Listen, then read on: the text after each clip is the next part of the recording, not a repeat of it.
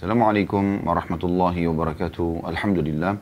Wassalatu wassalamu ala rasulillah. Segala puji dan puja kehadirat Allah subhanahu wa ta'ala. Juga salawat dan taslim kepada Nabi besar Muhammad sallallahu alaihi wa ala alihi wa sahbihi wasallam. Ketemu lagi teman-teman sekalian di hari Rabu siang. Seperti biasa, eh, kita membedah buku Riyadus Solihin ditulis oleh Imam Nawawi rahimahullah. Buku yang sangat masyhur menyusun hadis-hadis yang mulia dari hadis keutamaan uh, agar mengerjakan ya, atau keutamaan mengerjakan amal-amal soleh dan juga ancaman bagi yang mengerjakan kemaksiatan. Dan kita masih dalam bab yang sama seperti pekan lalu.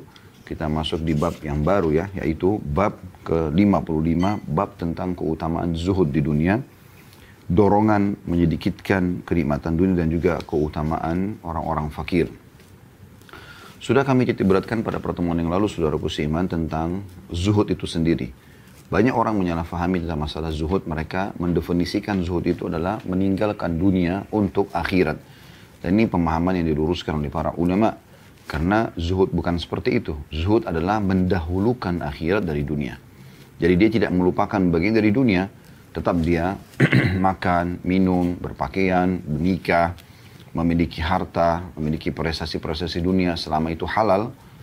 Maka dibolehkan. Bahkan menunggangi prestasi terbaik dunia untuk mendapatkan yang terbaik di akhirat adalah bagian daripada syariat Allah Subhanahu wa taala. Jadi ini perlu diluruskan karena banyak orang begitu mengenal eh, kata-kata zuhud dan kemudian menerapkan dalam hidupnya, maka mulailah mereka menggunakan baju yang kumuh, makan roti kering dan seterusnya. Dan ini tidak dicontohkan dalam kehidupan para nabi-nabi, para uh, sahabat Nabi ridwanullahi alaihim atau para kaum salaf mereka justru tetap tampak ya, kelihatan seperti orang-orang yang segar, orang-orang yang sehat, orang-orang yang menggunakan atau terlihat bekas nikmat Allah pada diri mereka. Dan menjalankan sabda Nabi SAW Inna Allah yuhibbu an yara athara ni'amihi ala abdi. Allah suka melihat bekas nikmatnya pada hambanya. Dan ini dicontohkan oleh Nabi SAW berapa kali disebutkan dalam riwayat beliau menggunakan baju yang sangat bagus sampai para sahabat terkagum-kagum Beliau pernah tampil dalam kondisi tampan, bersih, eh, bahkan sering kali seperti itu keadaannya. Eh, sampai Kaab mengatakan beliau lebih indah daripada bulan purnama.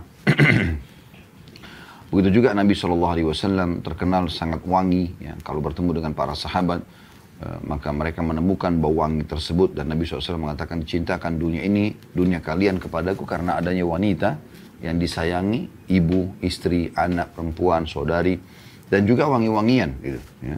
Dan Allah Subhanahu wa taala secara fitrah membolehkan kita bahkan memberikan kepada kita potensi hidung kita suka dengan bau yang wangi, mata kita suka dengan warna yang indah, kemudian pemandangan yang indah, telinga kita suka mendengarkan suara yang merdu ya, dan seterusnya kita pun suka dengan makanan yang uh, manis, yang yang lezat. Ini semua menandakan kita boleh menikmati dunia itu. Tetapi kita tidak menjadikannya sebagai target. Kita menjadikan semua itu sebagai fasilitas untuk kita mendapatkan yang terbaik di akhirat. Gitu ya. Jadi kita makan, minum yang enak, yang sehat, yang halal, tayyiban, halalan tayyiba, yang halal dan juga yang berkualitas untuk kuat beribadah kepada Allah Subhanahu wa taala agar kita mendapatkan yang terbaik di akhirat sana. Kita juga mengejar prestasi dunia kita agar bisa menunggangi ya, ijazah kita. Ya, kalau di zaman-zaman kita kan ada uh, ijazah formal ya, uh, agar kita bisa gunakan ijazah tersebut untuk bekerja. Uh, atau seseorang misalnya berbisnis sehingga dia punya usaha-usaha yang maju, kemudian tentu dengan cara yang halal, lalu kemudian dia tunggangi semua itu untuk mendapatkan yang terbaik di akhirat sana. Nah ini yang dimaknakan dengan zuhud dan kita sudah beristidlal dengan surah Al-Qasas, surah nomor 28 ayat 77, yang berbunyi a'udzu billahi minasyaitonir rajim wabtaghi fima ataqallahu daral akhirah wala tan wala tansa nasibaka minad dunya. Kejarlah apa yang Allah janjikan untuk kalian di akhirat nanti jangan dan jangan lupakan bagian kalian dari dunia. Kita sudah membahas beberapa ayat Al-Quran yang menggambarkan tentang ya, dunia ini hanya tempat sementara kita lalui. Uh, kemudian juga kita juga telah membahas hadis-hadis Nabi alaihi salatu wassalam kita sudah membahas hadis nomor 461, 462, 463, dan 464. Empat buah hadis ini sudah kita bahas pada pertemuan yang lalu. Intinya sebenarnya hadis-hadis ini menggambarkan kepada kita bahwasanya Ya, dunia tempat kita lalui dan tidak boleh menjadi target utama. Tapi bagaimana kita menunggangi dunia ini untuk mendapatkan yang terbaik di akhirat sana. Hadis yang terakhir kita bahas adalah hadis nomor 464. Saya ingatkan kembali yang berbunyi dari Anas radhiyallahu anhu bahwasanya Nabi Muhammad sallallahu alaihi wasallam bersabda, "Allahumma la 'aisha illa 'aishul akhirah." Ya Allah, sesungguhnya tidak ada kehidupan kecuali kehidupan akhirat. Hadis ini muttafaqun alaih. Ya.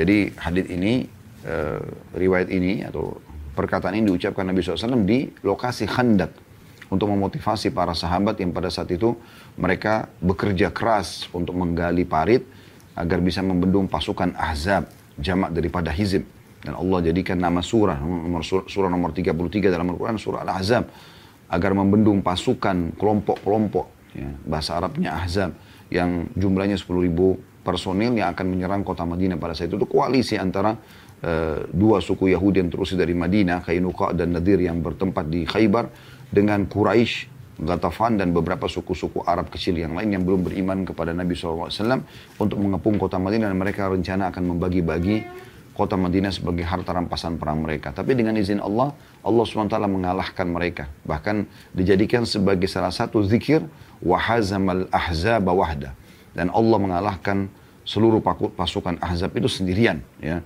karena Allah tiupkan kepada mereka angin sehingga membuat mereka bubar setelah mengepung kota Madinah selama 43 hari.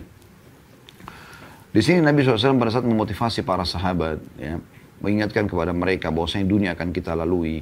Peperangan ini adalah perjuangan di jalan Allah dan yang mati akan mati syahid, yang masih hidup akan mendapatkan pahala besar yang dia panen di akhirat nanti.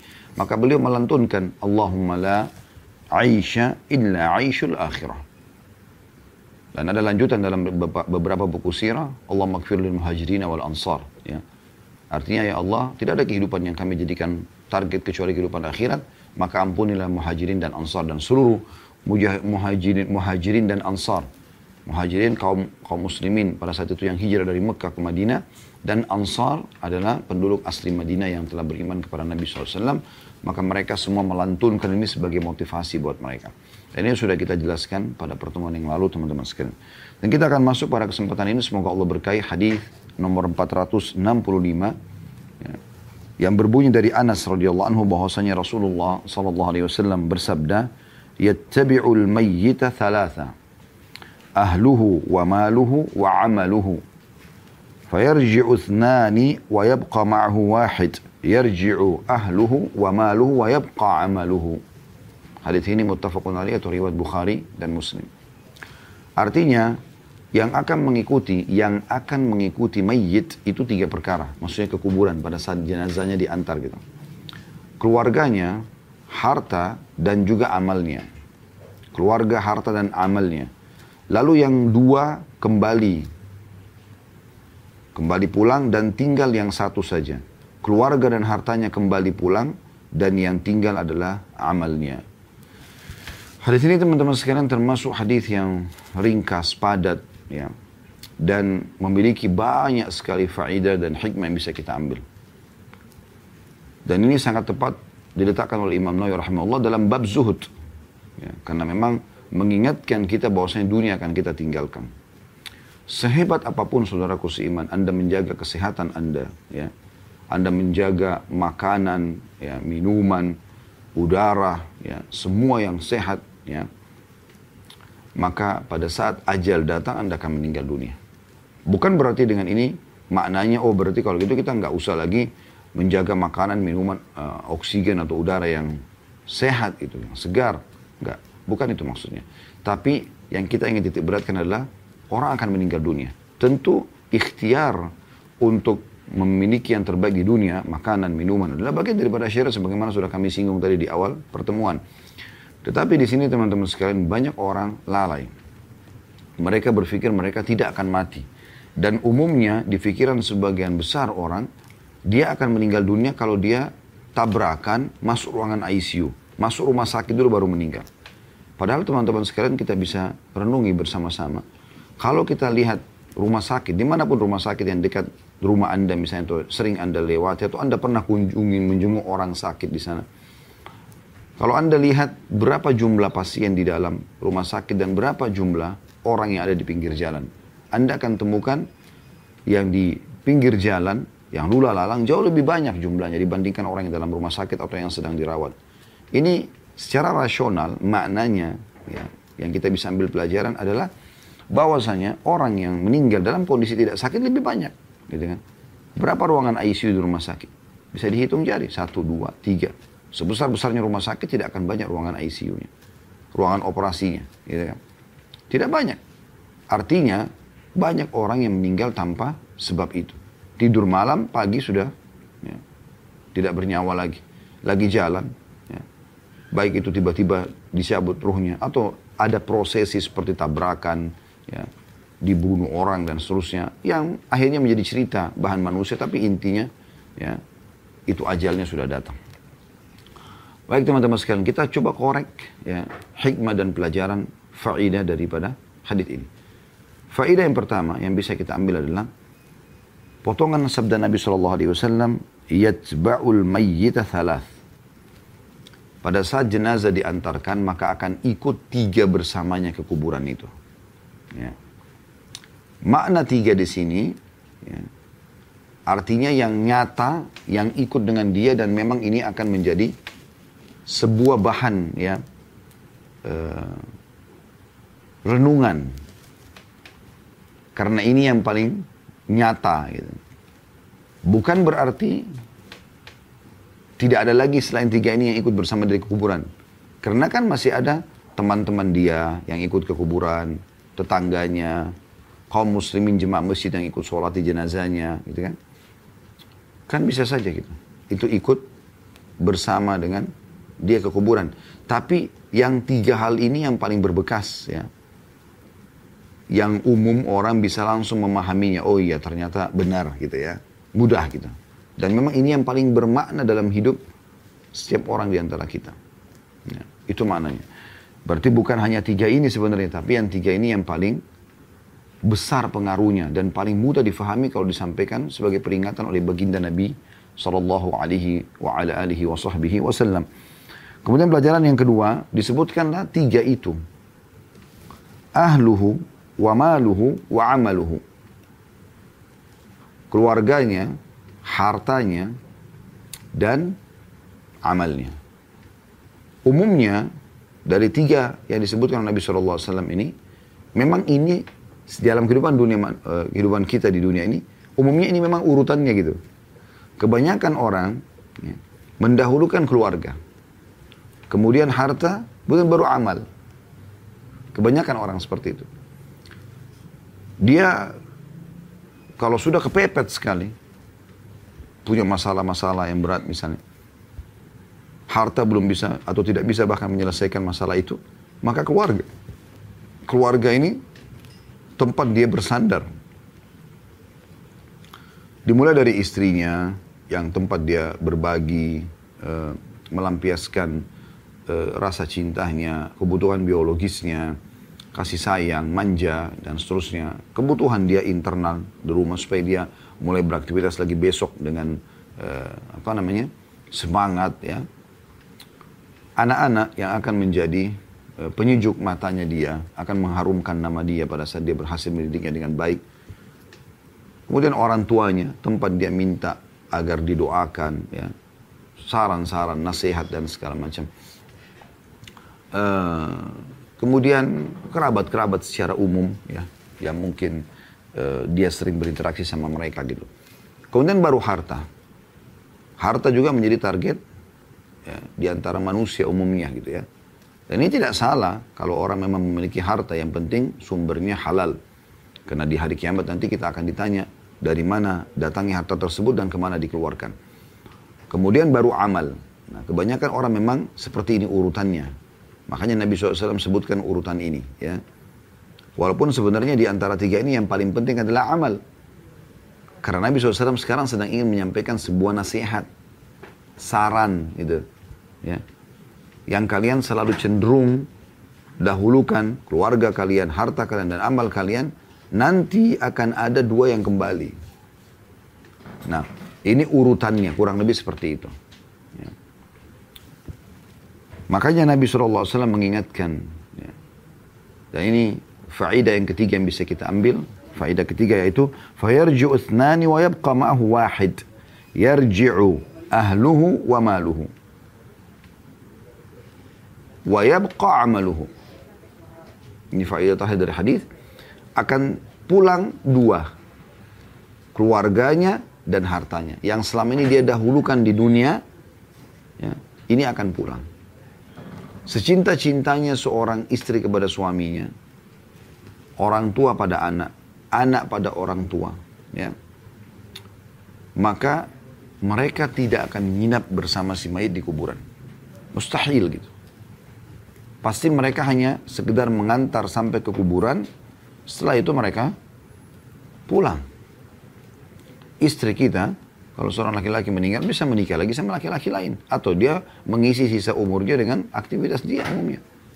Dia sedih pada saat terjadi uh, apa namanya uh, kematian tersebut.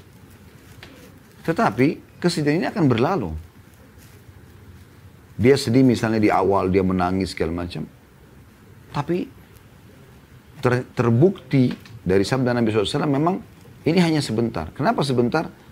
Dia tidak akan tinggal di kuburan. Nggak ada dia ikut masuk ke liang lahat. Nggak mungkin. Dia bisa mati tertimpa tanah. Atau dia tidur di situ. ya Di kuburan. Nggak ada. Mereka pulang semua. Sedih iya, tapi tidak akan menemani si mayit. Tidak akan menemani si mayit. Demikian pula teman-teman sekalian hartanya. Mobil Ferrari, mobil Alphard, mobil apa saja yang mungkin uh, bermerek, yang mungkin Anda lebih tahu dari kami tentang merek-merek dan harga-harga kendaraan yang mewah. Itu paling jauh bisa parkir di pagar depan kabar, pagar kuburan. Tidak akan pernah bisa masuk ke dalam kuburan. Apalagi dimasukkan ke dalam liang lahat karena tidak berfungsi. Yang selama ini dia bangga dengan kendaraan tersebut, ya. Begitu juga dengan rumahnya, dia akan tinggalkan. Tapi di sini dimaksud adalah harta yang dibawa. Umumnya itu kendaraan. Umumnya itu adalah kendaraan. Jadi, karena ini kan dibawa itu. Ya. Kalau rumah kan tidak dibawa. Gitu. Tapi secara umum harta sama, semua ditinggalkan. Baju, sepatu, tas, apalah, anggap semuanya bermerek gitu rumah, dan semua perabot rumah, ya. sofa, ranjang, AC, kipas angin, kulkas, dispenser, freezer, apalah, ya. lemari-lemari, ya. pernak-pernik yang banyak di rumah misalnya, aksesoris rumah di ruang tamu, ya, kristal-kristal dan segala macam, semuanya akan ditinggal, semua ini akan ditinggal, ya. Dan kita ambil pelajaran penting dari kasus dua hal yang ditinggal ini dan akan pulang gitu. Saya meninggalkan kita di kuburan, artinya bukan ini yang harus dijadikan sebagai target utama. Tetap kita mencintai keluarga kita, istri, suami, orang tua, anak. Tapi kita tunggangi mereka untuk mendapatkan yang terbaik di akhirat sana. Seorang suami berbuat baik pada istrinya untuk mengejar akhirat supaya dapat pahala. Seorang istri juga begitu sama suaminya. Orang tua pada anak, anak pada orang tua, kerabat sama kerabatnya yang lainnya. Itu juga dengan harta bagaimana agar harta ini bisa ya, bermanfaat di akhirat sana. Itulah statement Abdullah bin Mas'ud radhiyallahu yang mulia beliau mengatakan siapa yang bisa meletakkan hartanya di langit lakukanlah ya. Karena harta itu tidak akan dijangkau oleh tangan pencuri atau dimakan oleh rayap. Dan ini yang kami jadikan sebagai syiar dalam yayasan kami gitu. Letakkan hartamu di langit. Karena memang artinya sedekahkan sebelum tiba waktu nanti kau meninggal tidak akan bisa lagi disedekahkan. Kecuali memang ahli waris mau bersedekah. Dan itu sangat jarang. Mereka menggunakan harta yang Anda tinggalkan. Harta sebenarnya adalah harta yang kita keluarkan di masa hidup kita untuk akhirat kita. Dinukil sebuah kisah. Ada seseorang orang kaya. Sehingga saya di negeri Yaman terjadi pada saat itu. Kurang lebih kisahnya. Dia selalu apa yang dia inginkan dia bisa dapatkan gitu ya. Tapi selama ini dia belum pernah memiliki amal soleh. Dia belum pernah memiliki amal soleh. Artinya tidak memiliki amal jariah. dia tidak pernah bangun masjid, tidak pernah buat uh, uh, gali sumur, tidak pernah menyiapkan rumah untuk anak yatim. Tidak ada amal-amal jariah seperti itu. Dia tetap berdagang, tapi berikan dia berikan kebutuhan keluarganya segala macam. Umum seperti itu saja. Satu waktu teman-teman sekalian, dia lewat di satu perkebunan besar, perkebunan anggur. Dan di depan uh, perkebunan anggur itu, pemilik kebun tersebut menjual anggur-anggur yang hasil panen di pinggir jalan gitu. Maka orang pada mampir beli. Dia pun melihat ada anggur yang sangat menarik buat dia gitu kan. Ya, maka dia membelinya. Dan cukup banyak yang dia beli. Kemudian dia bawa pulang ke rumah. Gitu. Setelah itu, dia bilang sama istri dan anaknya, saya akan pergi sholat dulu. Tanpa dia menyinggung tentang anggur itu. Dia letakkan, subhanallah, habis sholat, dia ada sedikit aktivitas ngobrol sama beberapa jamaah, dia pulang ke rumah. Begitu dia pulang ke rumah, dia ingin sekali anggur tadi karena ranum anggur tersebut. Lalu dia tanya istri dan anaknya, mana anggur tadi? Ternyata sudah habis dimakan oleh mereka. Habis dimakan oleh mereka. Tidak tidak satu buah pun di, di, di, disisakan gitu. Karena ranumnya dan karena enaknya gitu. Mereka makan. Dan mereka tahu ini ayah atau suami ini adalah orang baik. Tidak marah gitu. Tapi subhanallah dari situ Allah sentuh hati dia agar dia sadar. Dia menyadari satu hal. Tiba-tiba dia pada saat itu pucat.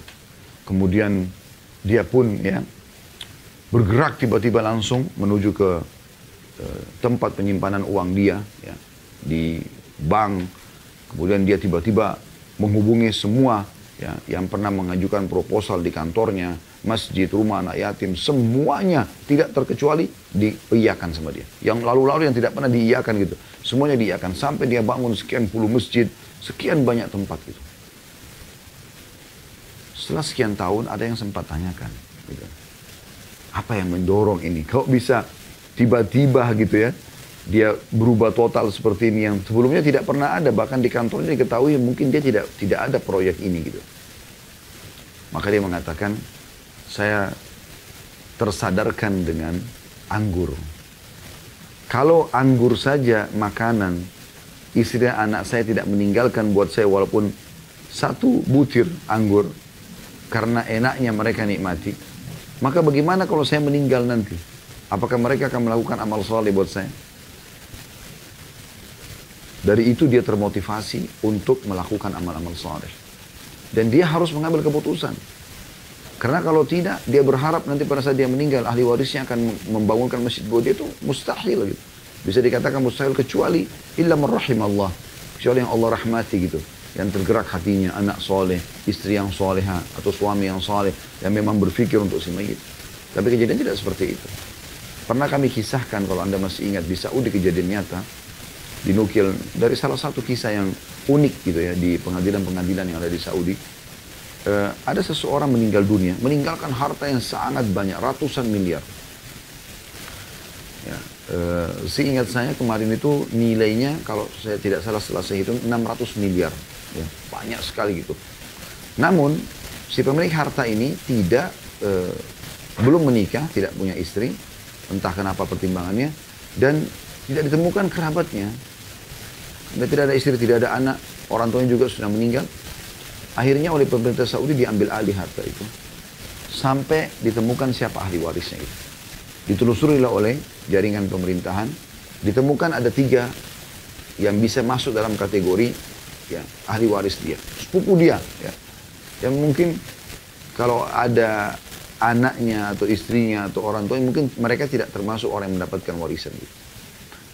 Intinya dipanggil ke pengadilan, tiga orang datang. Mereka bingung kenapa dipanggil pengadilan. Mereka selama ini merasa tidak pernah membuat kriminal gitu. Kemudian ngobrol sama hakim. Baru hakim mengatakan, apakah kalian tahu si Fulan, namanya si Mayit. Mereka tidak tahu kalau ini sudah meninggal gitu. Maka kata mereka, iya kami kenal. Tapi dia tidak dekat sama kami sebagai kerabat gitu. Tidak pernah datang kalau kami undang. Dia juga tidak pernah mengundang kami ke rumahnya. Ya. Lalu kata uh, hakim tersebut, si fulan ini sudah meninggal. Mereka semua terdiam. Mereka mau dengar, sebenarnya apa hubungannya gitu. Ada masalah apa mereka yang dipanggil gitu. Lalu kata hakim, dan dia meninggalkan harta yang sangat banyak. Kami tidak temukan ada ahli waris yang layak untuk menerima, ya, kecuali anda bertiga ini. Saat itu wajah ketiganya tiba-tiba berseri-seri, ini mereka akan mendapatkan harta dan harta yang banyak, bukan uang. 10 juta, 20 juta rupiah ya, ratusan miliar. Tiba-tiba jadi kaya raya gitu. Mereka pun mengiyakan untuk menerima, lalu hakim menyiapkan semua surat-surat dokumennya, mereka tanda tangani. Setelah semua selesai, sebelum mereka bubar dari pengadilan, hakim orang soleh memberikan masukan. Ini kisahnya. Dia mengatakan, sebelum kalian pergi dan menikmati harta yang Allah berikan, saran saya, ini harusnya bukan kalian. Kerja seperti itu. Dia dan dia meninggalkan sekian banyak harta dan kalian mendapatkan luar biasa gitu dengan hanya sekitar tanda tangan gitu. Bagaimana kalau dari setiap kalian mengeluarkan haknya satu miliar, nilai rupiahnya satu miliar kurang lebih. Ya, kalau tidak salah 250 ribu atau 300 ribu real gitu ya. Keluarkan. Jadi kalau tiga mungkin tiga miliar rupiah, kalau bangunkan masjid buat si mayit. Sebagai amal soleh buat dia. Apa yang terjadi dalam ini kisah nyata ya? Mulailah salah satu dari tiga ini mulai berbicara mengatakan, saya punya utang banyak, saya mau selesaikan utang-utang saya. Artinya dia tidak mau ikut nyumbang walaupun satu miliar. Bayangkan ya, kalau 600 miliar berarti masing-masing dapat 200 miliar. Satu miliar aja nggak mau dikeluarin. Berapa persen itu dibandingkan dari 200 miliar? Dia nggak mau keluarkan. Padahal bukan duit dia ini sebenarnya, dia cuma dapat begitu saja gitu. Yang satu lagi mengatakan, saya udah lama hidup susah, sekarang saya mau hidup senang. Nggak mau dia ini. Yang ketiga ini ngomong. Dia mengatakan apa? Wahai hakim, orang ini semasa hidupnya, dia sendiri nggak sedekah buat dirinya. Dia sendiri tidak sedekah buat dirinya. Kenapa sekarang kami harus dibebankan? Lalu kemudian tiga-tiga keluar dari pengadilan tanpa menyumbang sedikit pun buat dia. Coba anda bayangkan. Renungi ini teman-teman kisah ini. Bagaimana kalau kita tidak peduli dengan diri kita di masa kita hidup agar kita bisa punya amal saleh pada saat meninggal nanti maka ini akan bermasalah buat kita kalaupun ahli waris ya, memberikan atau menyiapkan amal buat kita maka sangat sedikit sekali. Oleh karena itu sekarang setiap kali ada lewat ada selingan mesin di pinggir jalan lagi pembangunan sumbang anda dapat informasi di grup WhatsApp yayasan ini butuh bantuan ada program ini program itu ikut. Ya. ikut. Bahkan kejar selalu setiap hari harus usahakan ini program pribadi kita lakukan mendapatkan keutamaan hadis Bukhari. Yang kata Nabi SAW kalau tiba di pagi hari anak Adam tiba di pagi hari maka Allah atau setiap pagi setiap tiba di eh, setiap tiba waktu pagi hari Allah menurunkan dua malaikat setiap pagi dan keduanya mengatakan salah satunya mengatakan ya Allah luaskan lapangkan rezeki orang yang bersedekah yang satu mengatakan Ya Allah, binasakan orang yang bakhil. Kata Ibnu Hajar rahimahullah dalam Fathul Bari, maksud daripada binasakan adalah binasakan hartanya dan binasakan dirinya atau jiwanya orang itu. Sedekah buat diri kita. Karena tidak mungkin apa yang kita sedekahkan itu akan sama yang disedekahkan oleh ahli waris kita. Bahkan bisa saja mereka tidak akan sedekah. Walaupun kita boleh meninggalkan warisan karena itu bagian daripada perintah Nabi Shallallahu Alaihi Wasallam. Pada saat saat radhiyallahu anhu dalam hadis, dalam hadis yang sahih ingin ya, menyedekahkan seluruh hartanya Nabi SAW larang setengah Nabi larang sepertiga dia ingin wasiat kalau dia mati karena dia waktu sakit keras. Walaupun setelah itu dia sembuh dan hidup sekian tahun setelahnya. Masya Allah. Intinya dia bilang ya Rasulullah saya cuma punya anak perempuan satu. Harta saya banyak. Saya ingin sedekah gitu semuanya. Kata Nabi SAW tidak boleh. Setengah tidak boleh. Sepertiga, kata Nabi SAW, as-sudusu was-sudusu kefir. Sepertiga boleh, tapi sepertiga itu masih banyak. Maka keluarlah di sini, boleh si calon mayit mewasiatkan sepertiga harta dia. Sepertiga harta dia. Dia wasiatkan untuk menambah amal soleh Dan kata Nabi SAW, Allah telah mengizinkan sepertiga harta kalian untuk menambah amal-amal soleh kalian. Jadi boleh, tapi itu diwasiatkan, ditulis. Gitu. Supaya ahli waris tahu. Nah kalau mayit meninggalkan diurus jenazahnya dulu, kemudian dibayarkan utangnya, dijalankan wasiatnya, ya, dijalankan wasiatnya, kemudian dibagi warisannya. Ini wasiat ini bisa dijalankan. Gitu. Kata Nabi SAW, engkau meninggalkan pada saat Rasulullah, kita lanjutkan hadisnya tadi, engkau meninggalkan keturunanmu dalam kondisi mereka mampu lebih baik daripada mereka miskin mengemis pada orang-orang. Tapi bukan semuanya ditinggalkan.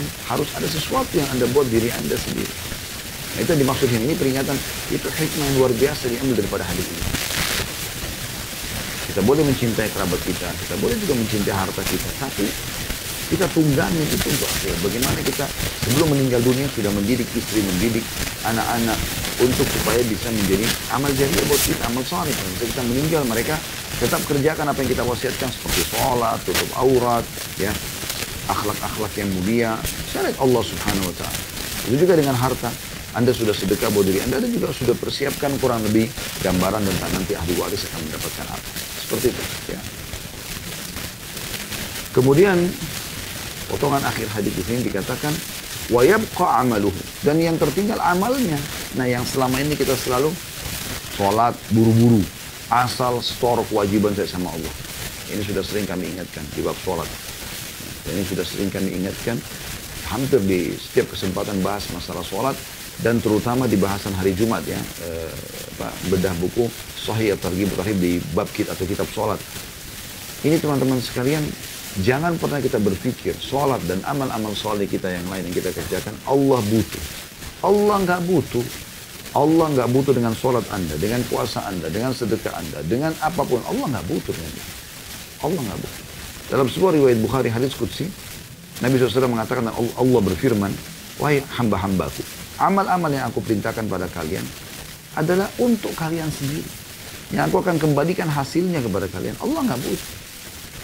Allah memiliki hamba-hamba dari para malaikat yang terus Allah mengatakan mereka bertasbih la yafturun mereka tidak pernah bosan tidak pernah capek tidak pernah semua. Jadi Allah tidak butuh dengan amal kita. Mulai sekarang teman-teman, tanamkan persepsi di benak kita, kita yang butuh dengan amal soleh itu. Kita yang butuh dengan sholat kita, kita yang butuh dengan puasa kita, kita yang butuh dengan uh, zakat dan sedekah kita, kita yang butuh dengan baca Quran kita. Sehingga kita maksimal. Ya. Kalau Anda ujian, Anda tahu nanti hasilnya akan bermanfaat buat Anda, Anda akan maksimal dalam menjawabkan gitu. Atau Anda bekerja, Anda yakin kalau Anda maksimal berdagang, bekerja, Anda akan ya, mendapatkan hasilnya, maka itu Anda akan coba ya. Maksudnya dagang ini Anda kalau maksimal memasarkan dan segala macam mendapati produk yang tepat maka akan mendapatkan hasil Anda akan maksimalkan seperti itu kurang lebih. Nah ini ini ini ini barang amal soleh ini adalah dagangan kita. Kita ini harus baik maksimal sehingga ada nilainya. Gitu. Sholatlah teman-teman dari takbiratul ihram sampai salam Yakin setiap gerakan dan bacaan sholat itu ada nilai pahalanya. Dan kita yang butuh dengan amal itu. Allah tidak butuh sama sekali. Puasa, maksimalkan. Bukan hanya karena tahan lapar dan haus. Tapi karena kita tahu ini kita butuh pahalanya. Maka kita maksimalkan. Menjaga diri dari hal-hal yang haram. Ya, mengikhlaskan niat dalam mengerjakan. Dan tarik itu dalam semua amal soleh kita. Ini amal yang kita butuhkan. Ya. Maka harus hati-hati sekali. Karena ini nanti akan menemani kita di kuburan. Ini akan menemani kita di kuburan teman-teman sekalian. Ya. Ini pelajaran penting dari hadis ya. Dan hadis ini mulia sekali teman-teman sekalian. Selanjutnya adalah hadis nomor 466. Berbunyi dari Anas radhiyallahu anhu, masih dari sahabat yang sama. Beliau berkata Rasulullah sallallahu alaihi wasallam bersabda, "Yu'tabi an'ami ahli dunya min ahli nari yaumal qiyamah." فيصبغ في النار صبغة ثم يقال يا ابن آدم هل رأيت خيرا قط؟ هل مر بك نعيم قط؟ فيقول لا والله يا ربي. ويؤتى بأشد الناس بؤسا في الدنيا من أهل الجنة فيصبغ صبغة في الجنة. فيقال له يا ابن آدم هل رأيت بؤسا قط؟ hal marra bika shiddatun qat fayaqulu la wallahi ma marra bi bu'sun qat wa la ra'aitu shiddatan qat hadis ini diriwayatkan oleh Imam Muslim Hadis ini teman-teman sekalian mulia sekali dengar baik-baik terjemahnya dan kita akan syarah nanti atau kita akan jelaskan insya Allah. Kata Nabi SAW, orang yang paling nikmat hidupnya di dunia dari penghuni neraka akan dihadirkan pada hari kiamat. Lalu dia dicelup di neraka dengan sekali celupan. Kemudian ditanya, dimasukkan, dikeluarkan langsung. Wahai anak Adam, apakah kamu pernah melihat kebaikan? Apakah kamu pernah merasakan kenikmatan? Maka dia menjawab, tidak pernah demi Allah wahai Tuhanku. Dan orang yang paling menderita di dunia dari penghuni surga didatangkan. Lalu dia dicelupkan dengan sekali celupan ke dalam surga atau di dalam surga.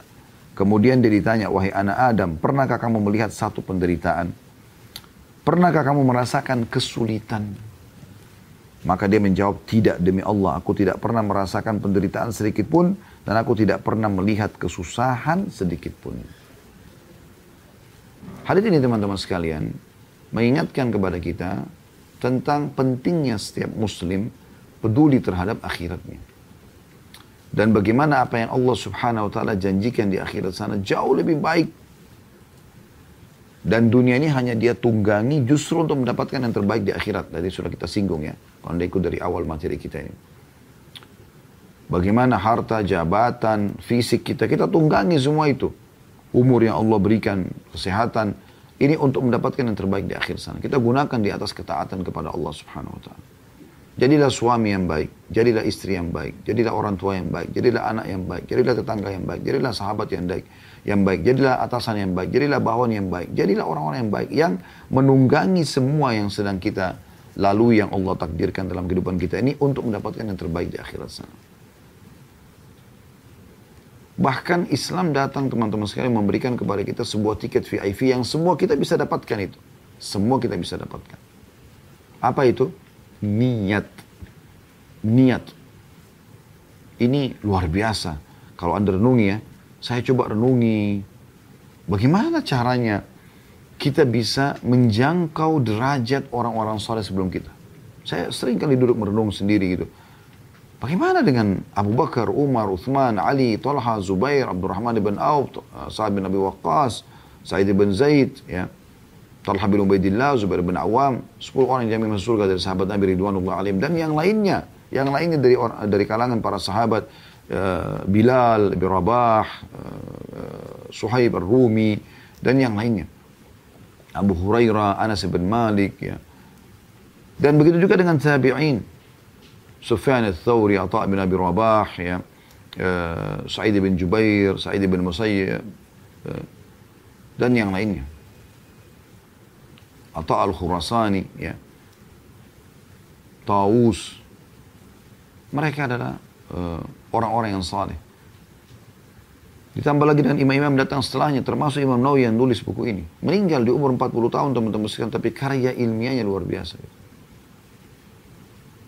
Dan sekian banyak para ulama yang telah mendahului kita. Bagaimana kita bisa menjangkau amal-amal mereka nih? Apa kita biarkan saja mereka kita akuin lebih tinggi derajat daripada kita tanpa ada sebuah upaya yang kita bisa lakukan? Tidak saudaraku seiman. Mereka adalah orang-orang mulia. Allah telah pilih mereka. Allah berikan taufiknya kepada mereka. Tapi kita bisa bersama mereka. Anda kalau temukan Ya, sering Allah SWT menyebutkan dalam Al-Quran, ya, disuruh mengi, e, berdoa kepada Allah agar bisa ya, bersama dengan orang-orang soleh sebelum kita. Seperti Nabi Yusuf AS mengatakan, alihikni bisalihin.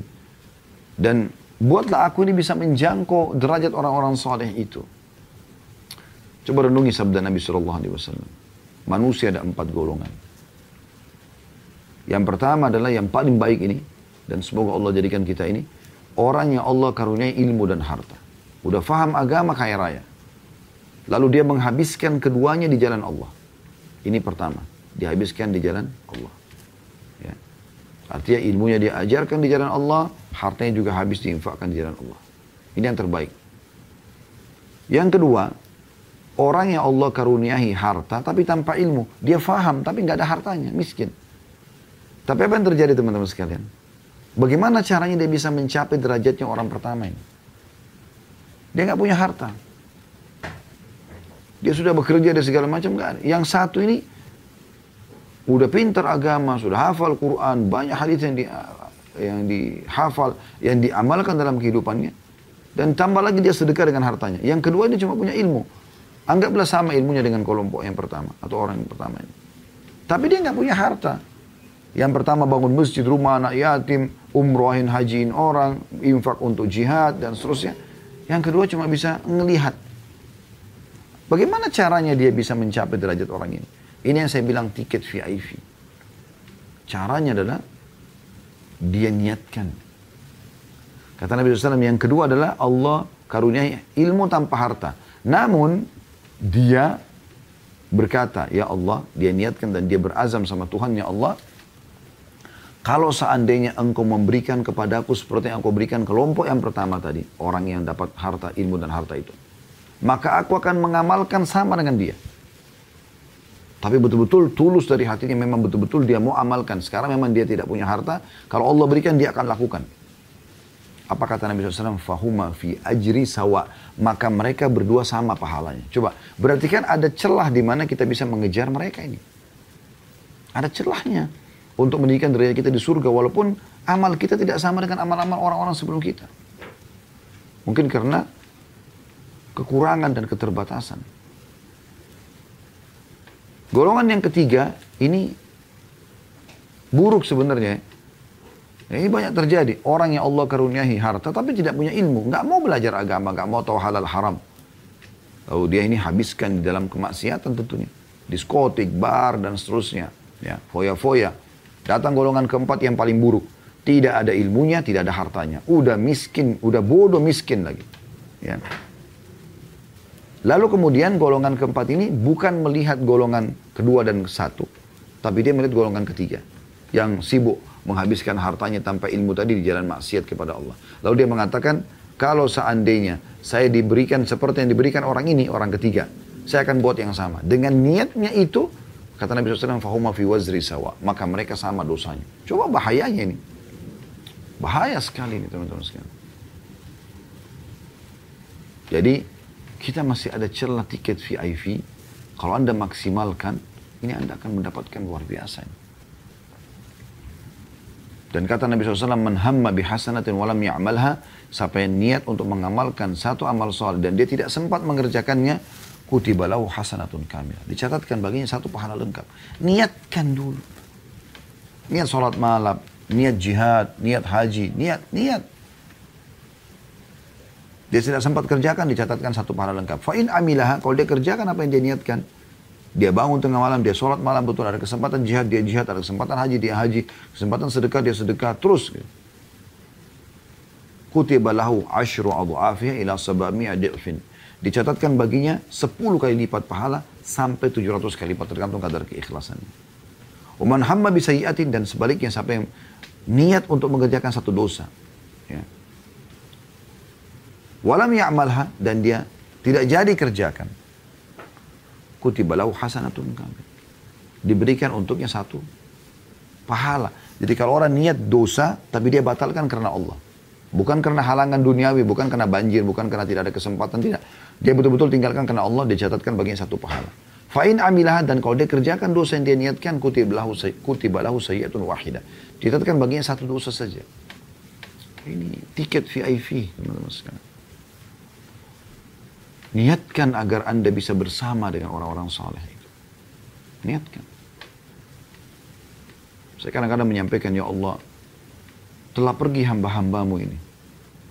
Ahli zikir, ahli doa, ahli jihad, para sahabat Nabi Ridwanullahi alaihim. Ke derajat tertinggi dunia dan akhirat. Maka al-hikni bihim, al-hikni bisalihim birahmatika. Jangkaukan aku ke derajat mereka dengan rahmatmu, dengan rahmat Allah. Karena kita siapa? Kita nggak bakal mampu. Tapi itu hal yang penting, teman-teman sekalian. Kesempatan kita untuk mendapat derajat terbaik di akhirat adalah sekarang di dunia ini. Kita kembali kepada hadis kita. Faedah yang pertama yang bisa kita ambil dari hadis adalah potongan hadis Nabi SAW yu'ta bi an'ami ahli dunya min ahli nari yaumal qiyamah fayusbagu fin nari sibghatan thumma yuqalu ya ibna adam hal ra'aita khairan qat? Hal marra bika na'imun qat? Fayaqulu la wallahi ya rabbi. Ini faedah pertama dari hadis. Artinya akan didatangkan orang yang paling besar nikmatnya di dunia. Anggap dia lahir di istana sebagai anak raja. Dari kecil sudah status sosialnya ekonominya semuanya baik.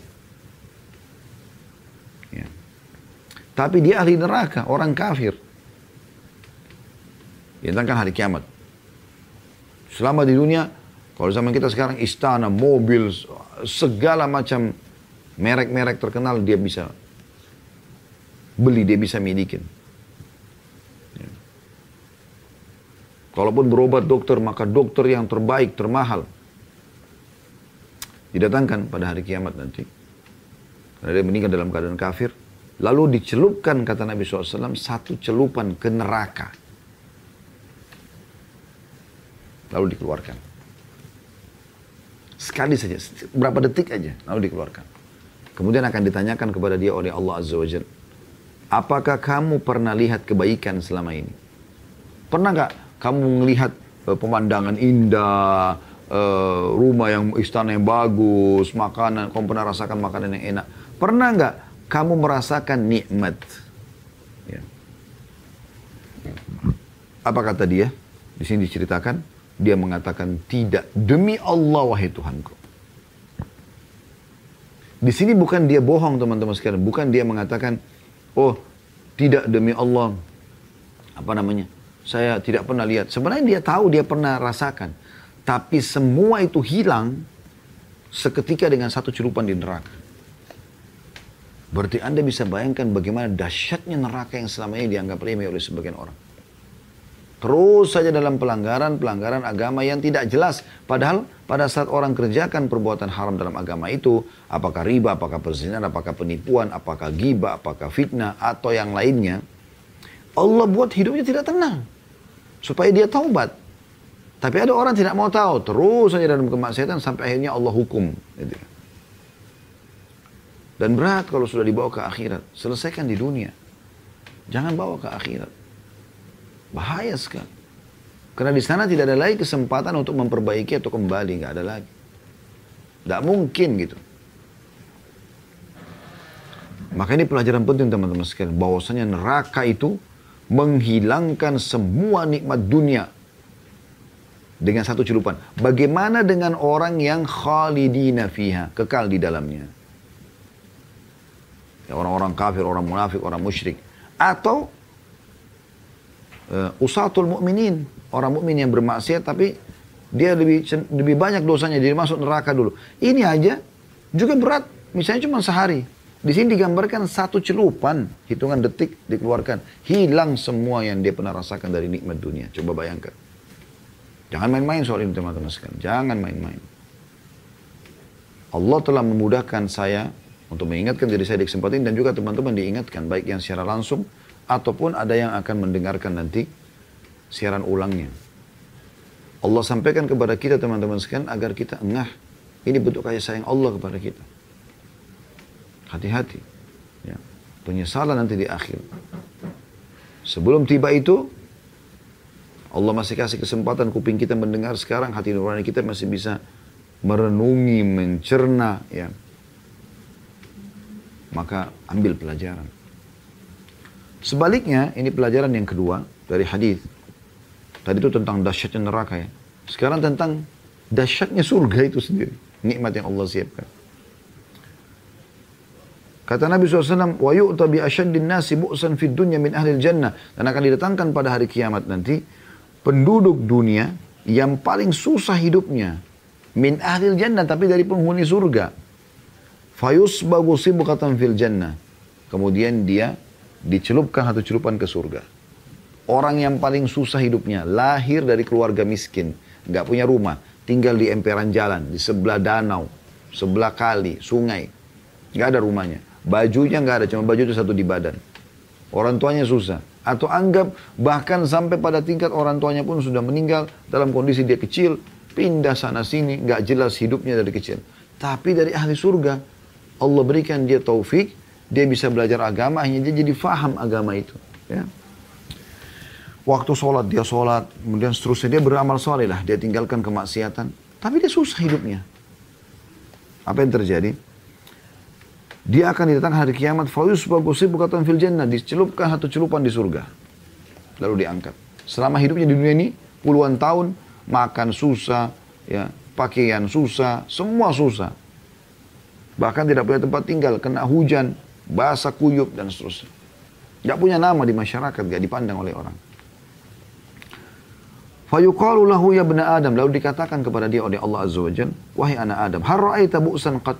Kau pernah lihat kesulitan nggak selama ini? Wahal marra bika syiddatun qad. Pernah nggak kau alami sekali aja kesulitan? Pada orang ini selama hidupnya susah. Gitu.